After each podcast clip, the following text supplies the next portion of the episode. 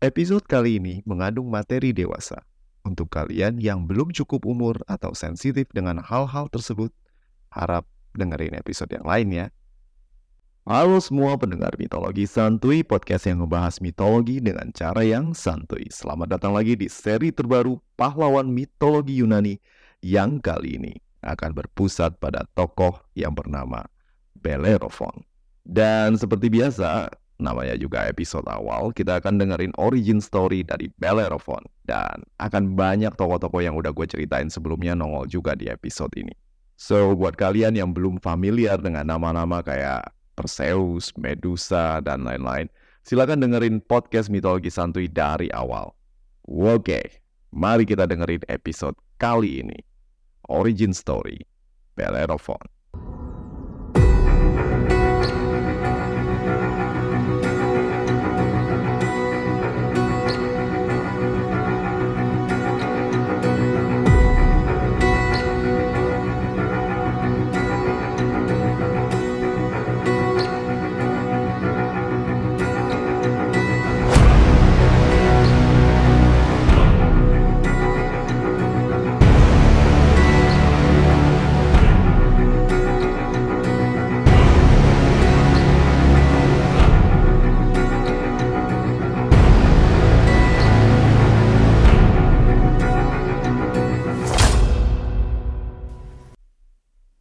Di kesunyian malam, kala sang rembulan Selene sedang mengarungi kegelapan angkasa. Jauh di sana, di pegunungan tinggi, di benua asing yang dikenal sekarang dengan nama Afrika, sesosok wanita tertidur di guanya. Dan wanita ini bukan sembarangan wanita. Wajahnya cantik jelita, wujud seorang wanita yang dengan kecantikannya sanggup menggoyahkan jiwa kaum Adam. Namun berlawanan dengan kecantikan rupanya, ratusan makhluk melata merupakan rambutnya dan sisik ular menyelimuti tubuh indahnya. Si cantik yang mematikan ini adalah Medusa, makhluk mengerikan dalam mitologi Yunani yang terkenal akan tatapannya yang dapat mengubah orang menjadi batu. Namun di balik kesangarannya, ia adalah wanita malang yang telah menjadi korban dari nafsu membabi buta seorang dewa dan ketidakberdayaan pelindungnya yang malah mengutuk kecantikannya menjadi wujud yang mengerikan. Malam itu, seorang pahlawan muda dengan persenjataan para dewa datang untuk mengakhiri hidupnya. Berperisai Aegis milik Athena, dengan sepatu terbang milik Herme, serta pedang adamantin milik Zeus. Sang pahlawan kini hanya berjarak 50 meter di udara dari tempat Medusa tertidur. Sang pemuda berumur baru sekitar 16 tahunan, berambut pirang kemasan dan bermata biru bagaikan samudera lepas, menatap lawannya yang tertidur dengan cemas. Keraguan tersirat dalam tatapan matanya yang penuh kekhawatiran. Di sekitar gua, terlihat banyak patung-patung batu dengan posisi yang tak lazim. Banyak dari mereka terlihat seperti kesakitan atau berusaha menutup mata mereka dengan tangan. Patung-patung ini bukanlah karya para pematung panggilan Medusa atau hasil kegiatan gabut Medusa kala luang. Semua patung ini adalah para pahlawan, perampok, atau orang-orang yang kepengen punya nama karena berhasil membantai Medusa. Dan Medusa tak kenal ragu dalam mengirim musuh-musuhnya ke keabadian monumen batu. Perseus menatap dengan ragu. Sang bocah yang belum lama puber telah mendapatkan restu para dewa dan senjata-senjata mereka untuk membunuh sang monster. Namun, berhadapan dengan monster yang begitu menyerikan, nyalinya ciut. Dan ia sekarang berhadapan dengannya. Nyali boleh ciut, tapi tanggung jawab dan keselamatan ibunya Danae di kampung halamannya tergantung pada keberhasilannya membantai Medusa. Sekali maju, pantang mundur. Perseus pun melayang perlahan dengan sepatu terbang Hermes yang belum lama dikuasainya itu. Perseus mendekat perlahan, dan suara nafas Medusa terdengar nafas seorang wanita yang tengah tertidur pulas. Perseus teringat kalau ia tak boleh menatap Medusa langsung karena tatapannya akan membuatnya menjadi patung batu yang tak akan bisa kembali lagi menjadi manusia. Perseus mengangkat perisai Aegis Athena dengan tangan kirinya dan memanfaatkan bayangan cemerlang perisai untuk mendekati Medusa tanpa melihatnya secara langsung. Langkah demi langkah semakin menghantarkan Perseus dekat dengan sang Gorgon. Kini Perseus hanya berjarak setengah meter dengan sang teror mengerikan yang telah membunuh banyak jiwa. Tangan kanan Perseus terangkat dan pedang adamantin pinjaman Zeus teracung. Perseus meringis dan Medusa terbangun. Matanya terbuka dan pandangannya hanya bisa melihat kilatan pedang tajam tanpa sempat menghindar. Seketika itu pula, kilatan peristiwa masa lalu sang Gorgon terbayang dalam benaknya. Kejadian-kejadian yang bagaikan ombak naik turun dan menghantamnya ke kondisi sekarang. Medusa dulunya adalah seorang pelayan di kuil Athena, sang dewi kebijaksanaan dan perang.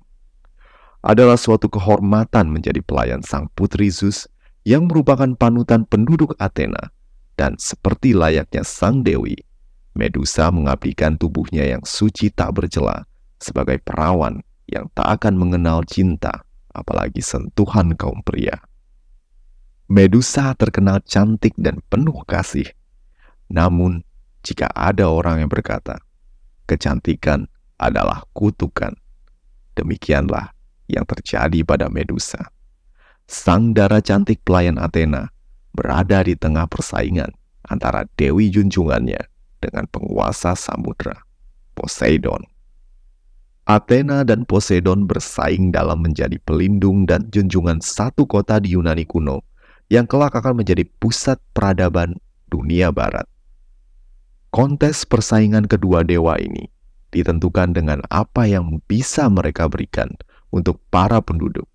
Dan si cerdas Athena memberikan para penduduk pohon zaitun yang memberikan berbagai manfaat, mengalahkan Poseidon yang hanya memberikan sumber mata air yang rasanya asin. Kota tersebut kemudian dinamakan Athena, sesuai dengan nama sang dewi yang mengalahkan Poseidon dalam persaingan pamor ini. Poseidon menerima kekalahannya, namun masih menyimpan dendam pada sang dewi yang adalah keponakannya sendiri. Poseidon yang amarah serta nafsunya bergelora bagaikan lautan ganas adalah dewa yang sangat ditakuti. Sang penguasa laut terkenal tak punya batasan dalam menyatakan niatnya. Poseidon telah mendengar kalau kuil Athena di Piraeus dijaga oleh seorang darah cantik yang bernama Medusa. Para Nereids memuji kecantikannya dan menganggapnya setara dengan para putri Oceanus. Poseidon pun mendapatkan celah untuk membalas kekalahannya. Sang penguasa samudra mengunjungi kuil Athena dan mendapatkan Medusa tengah membakar dupa harum untuk sang dewi. Poseidon menatap sang pelayan yang kecantikan dan kemolekan tubuhnya sesuai dengan kabar yang sampai di telinganya. Tanpa mengenal batasan, Poseidon pun melampiaskan hasrat serta dendamnya pada Medusa di tempat suci milik Athena. Usai puas membalas kekalahannya dan melampiaskan nafsunya, anehnya Poseidon menaruh iba pada sang darah yang kesuciannya terenggut oleh sang dewa lautan. Poseidon mengulurkan tangannya, menawarkan untuk pergi bersamanya di kerajaan bawah laut. Namun Medusa yang setia pada Athena dan membenci Poseidon karena telah merenggut kesuciannya, menolak mentah-mentah. Medusa lebih rela menunggu penghakiman Athena daripada hidup bersama Poseidon. Athena mendapati kesucian kuilnya telah dinodai oleh Poseidon, dan hambanya yang setia kini tak lagi layak untuk melayaninya. Athena marah, dan dalam kebijaksanaannya, ia tahu Poseidon, pamannya, adalah sang pelaku kejahatan dan ia yang pantas dihukum. Namun ia juga tahu kalau ia tak berkuasa untuk menantang pamannya. Athena walaupun adalah seorang dewi dan putri yang dilahirkan langsung dari kepala Zeus, tak bisa merusak tatanan hukum kosmos.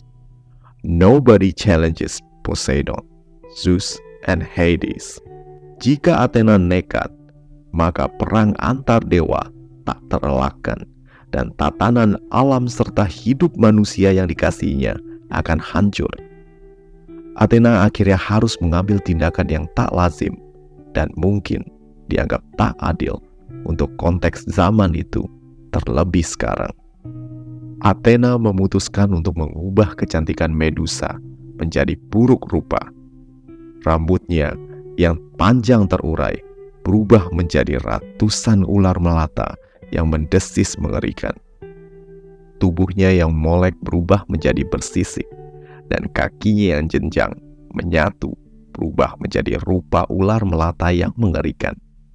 Athena mengubah Medusa menjadi monster agar Poseidon tak lagi mendekati Medusa sebagai sasaran cintanya. Rupa Medusa yang mengerikan tentu saja akan membuatnya jadi buruan para pahlawan dan pemuda yang dalam ritus menjadi dewasa akan menjadi monster untuk dibunuh. Athena memberikan Medusa kemampuan untuk mengubah siapa pun yang menatapnya menjadi batu, semata-mata untuk melindungi mantan pelayannya. Terlebih lagi, Athena menyadari bahwa Medusa tengah mengandung janin dari hubungannya dengan Poseidon. Medusa hidup dengan penuh derita, tertolak dari dunia manusia, dan terasing dari kehidupannya di masa lalu. Belum lagi, setiap kali dirinya hendak hidup damai berusaha menjaga buah kandungannya, ada saja manusia dan pahlawan yang mengusiknya. Naluri keibuan Medusa membuatnya lebih ganas dari sebelum-sebelumnya dan terus berusaha untuk menjaga janin di rahimnya.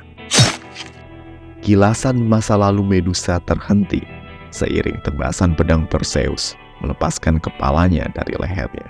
Matanya menatap ke pemuda belasan tahun yang telah berhasil mengambil nyawanya. Perseus tak berani menatap langsung kepada Medusa dan memilih memalingkan wajahnya membelakangi Medusa.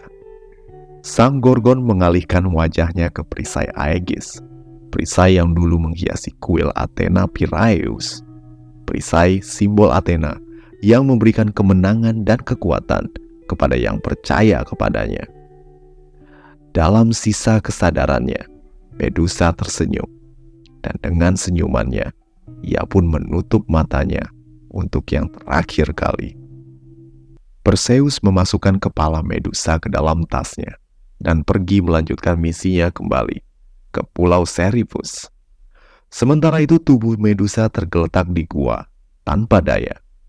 Namun dari tubuh Medusa yang telah meninggal tersebut, terlihat suatu aktivitas kehidupan. Gerakan terlihat dari arah rahimnya dan perlahan bergerak menuju lehernya yang telah ditebas oleh Perseus. Dari luka menganga yang masih mengalirkan darah, tampak sesosok makhluk berusaha menyeruak keluar.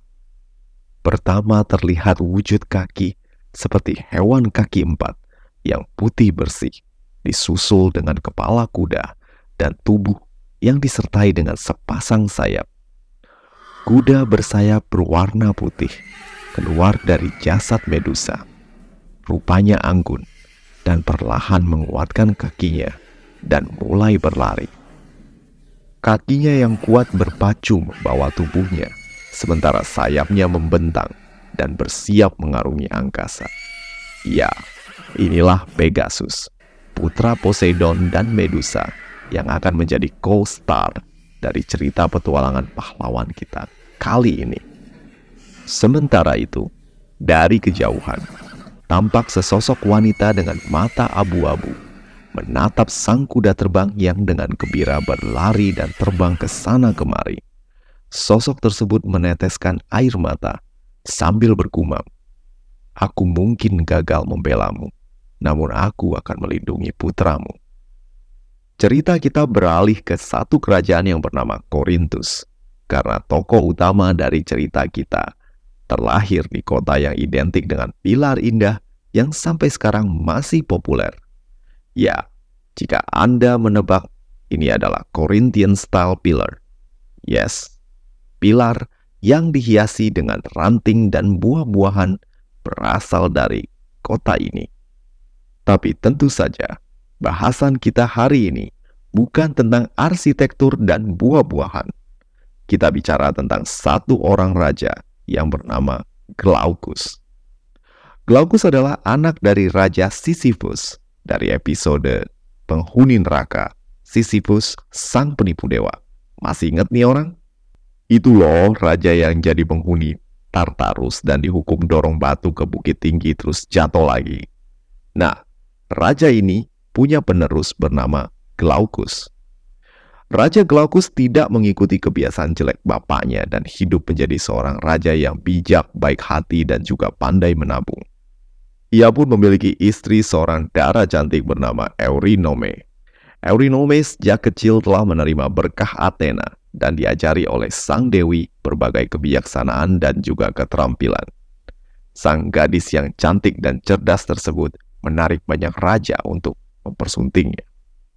Tapi di antara banyak raja, hanya Raja Sisyphus yang berhasil memboyongnya untuk dinikahkan dengan Glaucus putranya.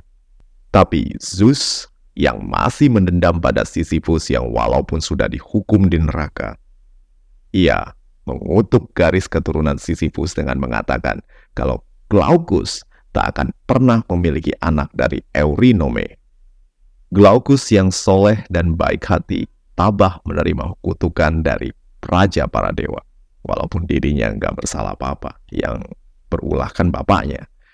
Tapi ternyata takdir berkata lain. Sembilan bulan setengah setelah pernikahannya dengan Eurinome, Eurinome melahirkan seorang anak yang tampan dan sehat. Glaucus bersyukur kutukan Zeus tampaknya nggak manjur. Dan akhirnya ia punya anak penerus kerajaannya. Tapi apakah benar begitu? Well, dalam cerita yang sebenarnya bikin gue garu-garu kepala, ternyata anak yang dilahirkan oleh Eurinome bukanlah anak hasil hubungannya dengan Glaucus, tapi anak Eurinome dengan seorang dewa, sang penguasa samudra yang menjadi antagonis di cerita Medusa. Apparently, Poseidon yang mungkin gabut atau kesel karena Medusa diubah menjadi makhluk mengerikan oleh Athena, mampir ke perairan di kota pelabuhan Korintus yang tengah merayakan pernikahan putra mahkota mereka, Glaucus dengan Eurynome. Poseidon mengetahui kalau Eurynome adalah kesayangan Athena, dan ia pun berencana membalas perlakuan Athena kepada Medusa dengan, well, meniduri kesayangan Athena. Oh God, dewa-dewa Yunani ini benar-benar dah.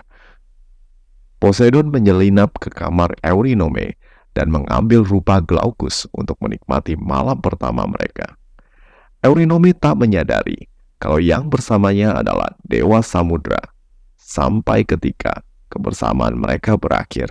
Poseidon menyatakan rupa aslinya. Poseidon menyatakan kalau benih di rahim Eurynome kelak akan tumbuh menjadi seorang pahlawan besar dan ia harus diberi nama Bellerophon, sang pahlawan yang kelak akan menjadi penakluk berbagai monster dan bangsa. Oke, sampai di sini dulu ya episode kali ini. Minggu depan gue bakal lanjutin cerita tentang Bellerophon. Anyway, buat kalian yang kepengen dukung podcast ini, silahkan mampir ke laman traktir mitologi santuy yang tersedia di deskripsi episode. Udah dulu ya. Ciao!